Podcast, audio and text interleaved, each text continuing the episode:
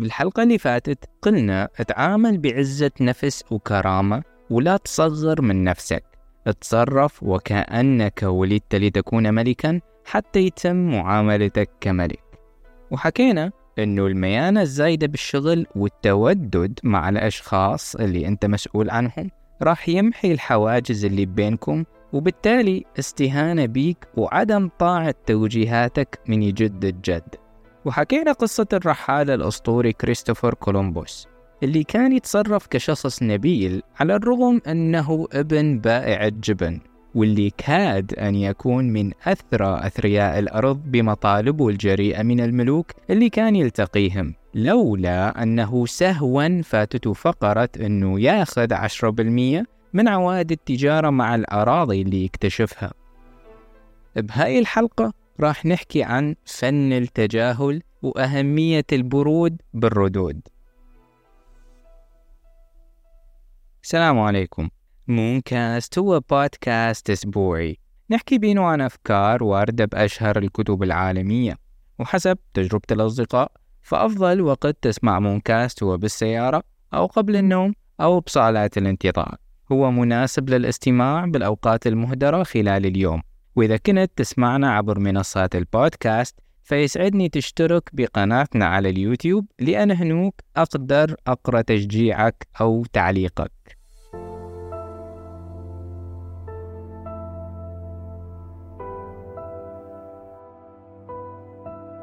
القاعدة 36 للسطوة تقول احتقر الحاجة اللي ما تقدر تصلها أو تنالها. تجاهل هذا الشيء يرفعك. من ترغب بشيء معين بس ما قدرت تحصله فمن الأفضل أنه تحتقره. وهني نقصد بكلمة الاحتقار التجاهل. وهني الكاتب يحكي لنا قصة رئيس عصابة لقطع الطرق المتمرد المكسيكي وأحد أهم الشخصيات بتاريخ المكسيك واللي ألفوا عنه كثير أفلام وهو بانشو فيلا. لك عام 1910 اشتعلت ثورة بالمكسيك ضد نظام الحكم واللي سميت باسم ثورة فيلا.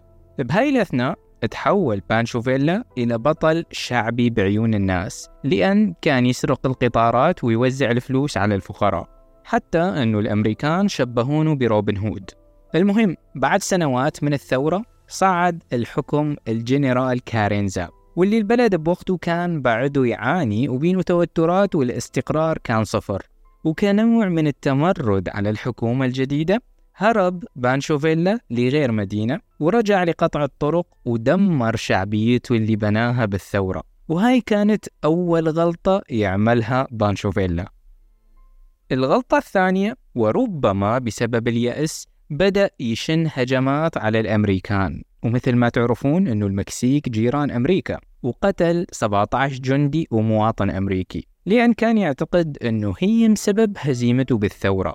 هاي الحركة أحرجت الرئيس الأمريكي ويلسون لأن هو كان معجب ببانشو فيلا بس كان لازم يوقف هذا الرجل أتحده على مود منظره قدام شعبه. وهون نصل لتحول جديد بالقصة والجزء اللي يخص قاعدة اليوم. مستشارين الرئيس الأمريكي ويلسون نصحونه أنه يرسل مقاتلين للمكسيك حتى يعتقلون بانشو فيلا وبالفعل أرسل عشرة آلاف مقاتل بموافقة حكومة المكسيك وسميت وقتها بحملة التأديب. الأمريكان عينوا جنرال جريء حتى يقوم بهاي الحملة وهو عنده خبرة بحرب العصابات بالفلبين. حملة التأديب تصدرت عناوين الأخبار بالصحافة الأمريكية. عشرات المراسلين راحوا للحملة حتى يغطون الأحداث. وكان العالم ينظر لها على أنها اختبار للقوة القتالية الحقيقية للأمريكان. الجنود يملكون أسلحة متطورة وطيارات استطلاع تدعمهم من الجو وبدأوا يقسمون القوات إلى وحدات أصغر حتى تمشط الغابات وعرضوا جائزة قدرها خمسين ألف دولار للي يدلي معلومات عن بانشوفيلا. وهوني بدأت أول غلطة يعملها الأمريكان. صح إنه المكسيكان ضاجوا من رجع بانشو فيلا لقطع الطرق بعد الثورة بس بنفس الوقت ما يقدرون يعطون بإبن بلدهم للغريب.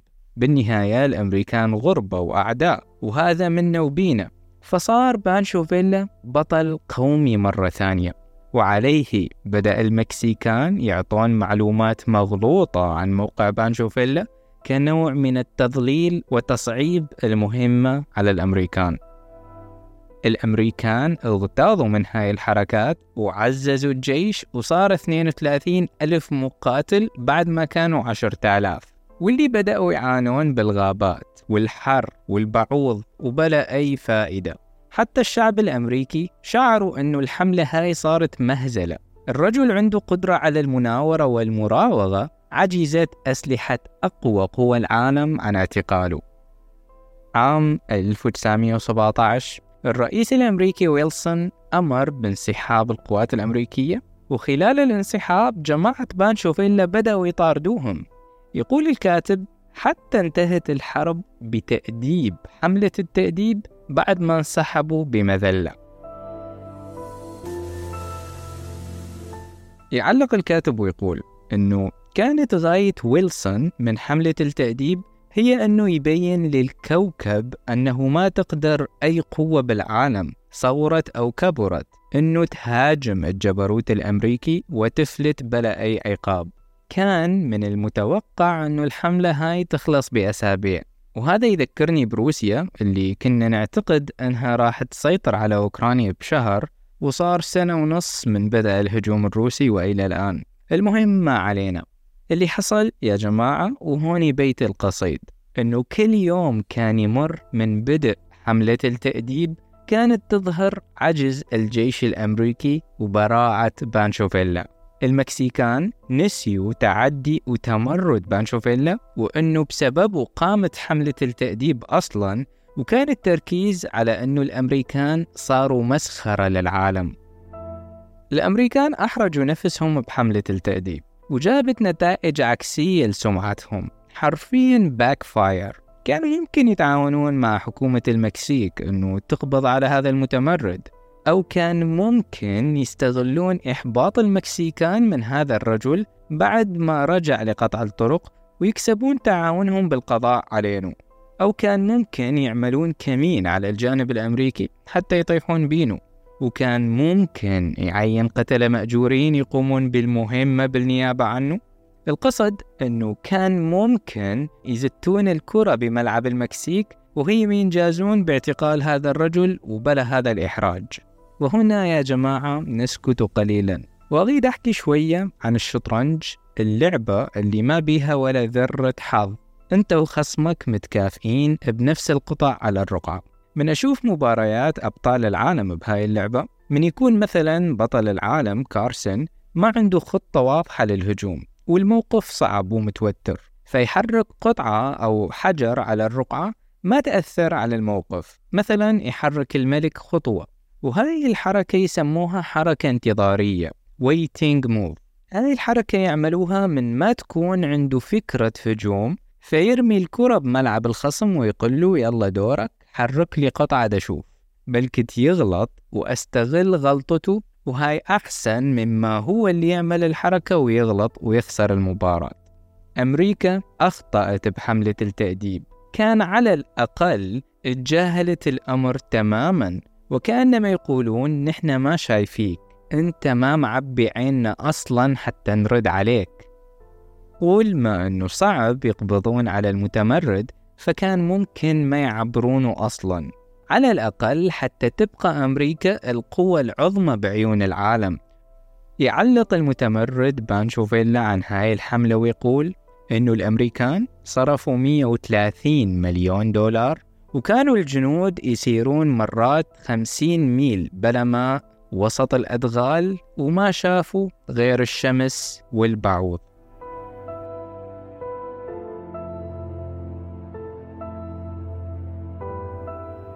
من تتجاهل شخص فأنت عاد تلغي وجوده. وهاي الحركة جدا مستفزة ويبدو لي أنها مستفزة أكثر مما لو رديت بقوة. يقول إدريس شاه إذا ضربت شخص ممكن يسامحك وإذا تملقت فربما تقدر تلفت النظر بس إذا تجاهلت فراح تثير الكراهية. يقول روبرت جرين أنه الترفع عن الرد هي سمة الملوك. من الملك يلتفت القضية معينة فتاخذ حضورها إعلاميا أو على ال social media مثلا ومن يتجاهل شيء فهو عيموته.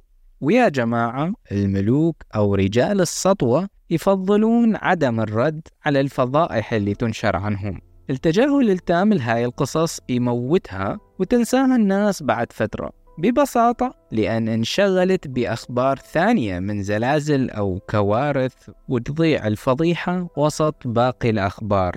بس من يبرر ويرد تبدي الصحافات العالمية تنشر الأخبار مع شوية بهارات واللي ما سمع بالخبر يبدي يسمع ويطلعون جماعة نقاد يحللون الرد وتصير على لسان عامة الناس. ونسيانها ياخذ فترة أطول أو ربما من الصعب أنه يمحى بذاكرة الناس.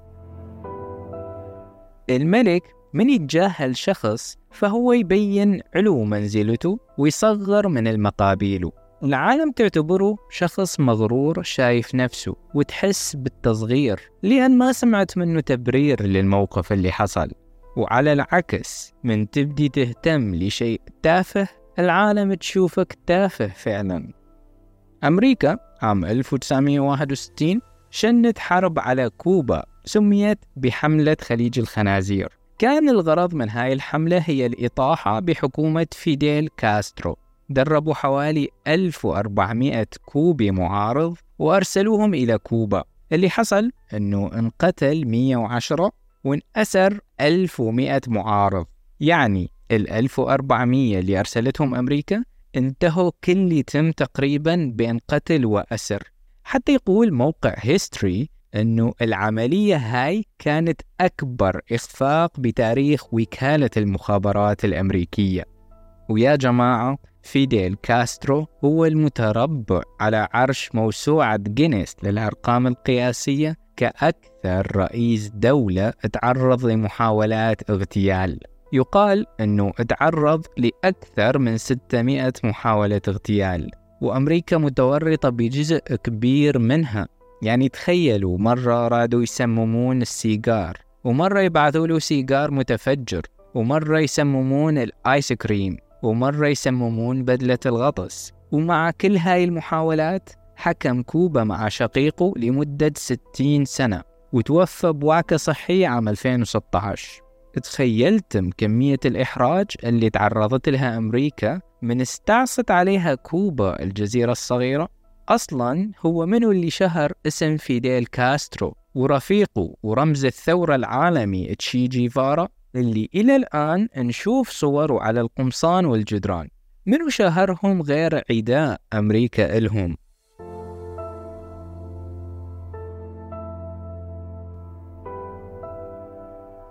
أكو مثل عندنا مشهور يقول الما يلوح العنب يقول حامض. وبالسعودية يحكون اللي ما يطول قطف العنب حامض عنه يقول. أتوقع واضح المثل بس نشرحه للي ما فهم. وأنه ببساطة يعني اللي ما يقدر يقطف العنب لأنه عالي بالشجرة فيقول عنه حامض. أصلا أنا ما أريده. الفكرة أنه يريد العنب بس ما قدر يصله. فبرر عدم قدرته بأن العنب حامض ولو كان يريد كان قطفه. وهذا اللي يحكي عنه الكاتب أنه إذا تريد شيء بس ما تقدر تحصله فلا تظهر تلهفك لهذا الشيء. ويسمي هاي الحركة بطريقة العنب الحامض. وهون الكاتب يحكي لنا ويقول أنه بعام 1861 طلبوا معجبين الكاتبة جورج ساند أنه تنضم للأكاديمية الفرنسية حتى تكون أول امرأة تنضم للأكاديمية. وهذا طبعا شرف كبير إلها. بس الكاتبة هاي تعرف أنه ما راح يقبلوها بالأكاديمية لأنها أنثى. الكاتبة هاي صرحت وقالت أنها ما مهتمة تنضم لنادي العجزة والمتهالكين. يقول الكاتب أنه هذا التصريح كان أفضل شيء ممكن تعمله بدل أنه تظهر شغفها بالانضمام للنادي أو تدعي المظلومية وتقول مجتمع ذكوري متخلف ومن هذا الكلام. الفكرة أنه هي بالحالتين ما راح يقبلوها بالنادي. مثل ما يقولون المصريين أنت كده كده ميت. بس أنه تظهر عدم اهتمامها أفضل بكثير مما تبان للناس أنها مستقتلة للانضمام للأكاديمية. ويحكي الكاتب قصة ثانية حتى يأكد أنه طريقة العنب الحامض هو تكتيك يستخدمه الأقوياء مع الضعفاء. يقول أنه الإمبراطور الياباني جوش جوشاين جوشاين واللي اسمه غلط كان من المهتمين بتعلم طقوس تحضير الشاي. الشاي يعني الشاي. يقول أنه كان يملك قوري أو إناء الشاي يحسدوا علينا كل أهل البلد. يبدو أنه نادر أو أثري. المهم بيوم من الأيام جانه ضيف وطلب أنه يشوف هذا القوري. الإمبراطور وقتها كان مزاجه طيب ووافق. ومن كان الضيف يشوف القوري على ضوء الشمس وقع على حجرة وتكسر الشظايا. الإمبراطور بهاي اللحظة جن فالضيف مباشرة انحنى واعتذر. وقال إنه حرامات يتكسر القوري بهاي الطريقة بس هو أصلا متهالك وكان راح ينكسر بكل الأحوال هسه أو بعدين. المهم ما تأذى بشر. يعني بين قوسين قال بالمال ولا بالعيال ودفع الله ما كان أعظم وقال بما معناه يعني بربك معقول تنقهر على موت قوري شاي بس هو ما يعرف يحكيها بهاي الطريقة لأنه ياباني. هسه لحد الآن الضيف اعتذر وما بالغ بالاعتذار ولا تذلل بالعكس أظهر ترفع. يقول الكاتب عن هاي الفقرة أنه من تبالغ بالاعتذار فأنت تحفز المقابلك أنه يغضب. المهم اعتذار الضيف بترفع دفع الإمبراطور أنه يرد بنفس الطريقة وقال له فدوتك ولا يهمك. ما هو انكسر بعد يعني إيش ممكن يعمل؟ رد بطريقة نبيلة وأظهر أنه ما مهتم أحسن بكثير مما يبين لحاشيته وللضيف أنه إمبراطور تافه يغضب على موت قوري تشاي. الرئيس الأمريكي فرانكلين روزفلت كان يتعرض لانتقادات كثيرة لأن كان يصرف كثير من الفلوس على الكلب فالا بينما البلد كان يمر بحالة كساد كبير. المرشح المنافس له للمنصب استغل هاي الفقرة وبدي يهاجموا عليها. المهم بعد ما فاز روزفلت بالانتخابات رد على هاي الانتقادات بطريقة ذكية وقال احكوا عني إيش ما تريدون بس لا تحكون عن أصدقائي أو الفقراء أو الوفيين يقصد بيها الكلبة فالا. استعطف الجمهور وأظهر تفاهة النقاد اللي تهجموا على كلبة ما تقدر تدافع عن نفسها. ما يملكون مستمسك علينا قوي غير أنه يصرف على الكلاب. روزفلت عمل حركة ذكية. هو يعرف أنه الناس بطبيعتها تتعاطف مع الطرف الأضعف. الكلبة بهاي الحالة أنا عاد أحس عاد أسبها بس هي كلبة. الكلبة بهاي الحالة هي الأضعف. ودفاع الرئيس الأمريكي عنها بخطبة شهيرة كسب بين تعاطف الجماهير. اللي أريد أقوله من هاي القصة يا جماعة أنه من تنتقم بالضرب أو رد الإهانة بأقوى منها فأنت عتخلي الناس تتعاطف مع المقابل حتى لو كنت بالحقيقة أنت المظلوم.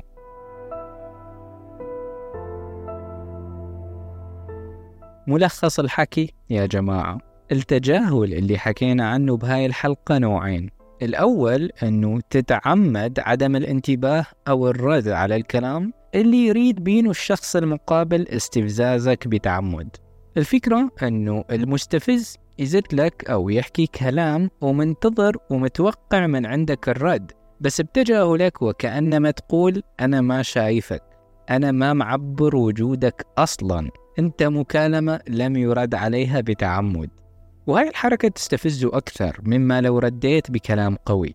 راح يكون بموقف مخجل أمام الحضور وبالتالي ممكن يقول كلام مستفز أكثر فقط حتى يحفزك ترد. بالنهاية غالبا راح يتوقف عن الاستفزاز حتى لا يحرج نفسه أكثر. وفي حال استمر بالاستفزاز والنقد المتعمد واستمر لأيام فبهاي الحالة أنت مضطر أنه توقفه عند حده بطريقة مؤدبة وكلام قليل وثقة وقوة فمثلا تقول له يا فلان أنا ما طلبت منك تقييم لملابسي أو لشغلي ليش الرد لازم يكون مؤدب؟ لأن غالبا هاي الناس سفيهة وتحب تصعد الموقف وليش لازم يكون الرد قليل؟ حتى تقول له أنا ما مهتم أجادلك وأضيع وقتي معاك وليش لازم تكون بينه نبرة ثقة وقوة؟ حتى لا يفهم من تجاهلك أنك شخص ضعيف وقليل الحيلة وتحتاج واحد ثاني يدافع عنك ويأخذ لك حقك أو يفهم أنك شخصية للتنمر. تجاهل الشخص السفيه يا جماعة يجنبك مشاكل وصراعات ونقاشات عقيمة والأهم أنه يبين للموجودين أنك مترفع عن التفاهات. ولسان حالك يقول أنا ملتهي بأشياء أكبر من مراددة سفيه ومعتوه.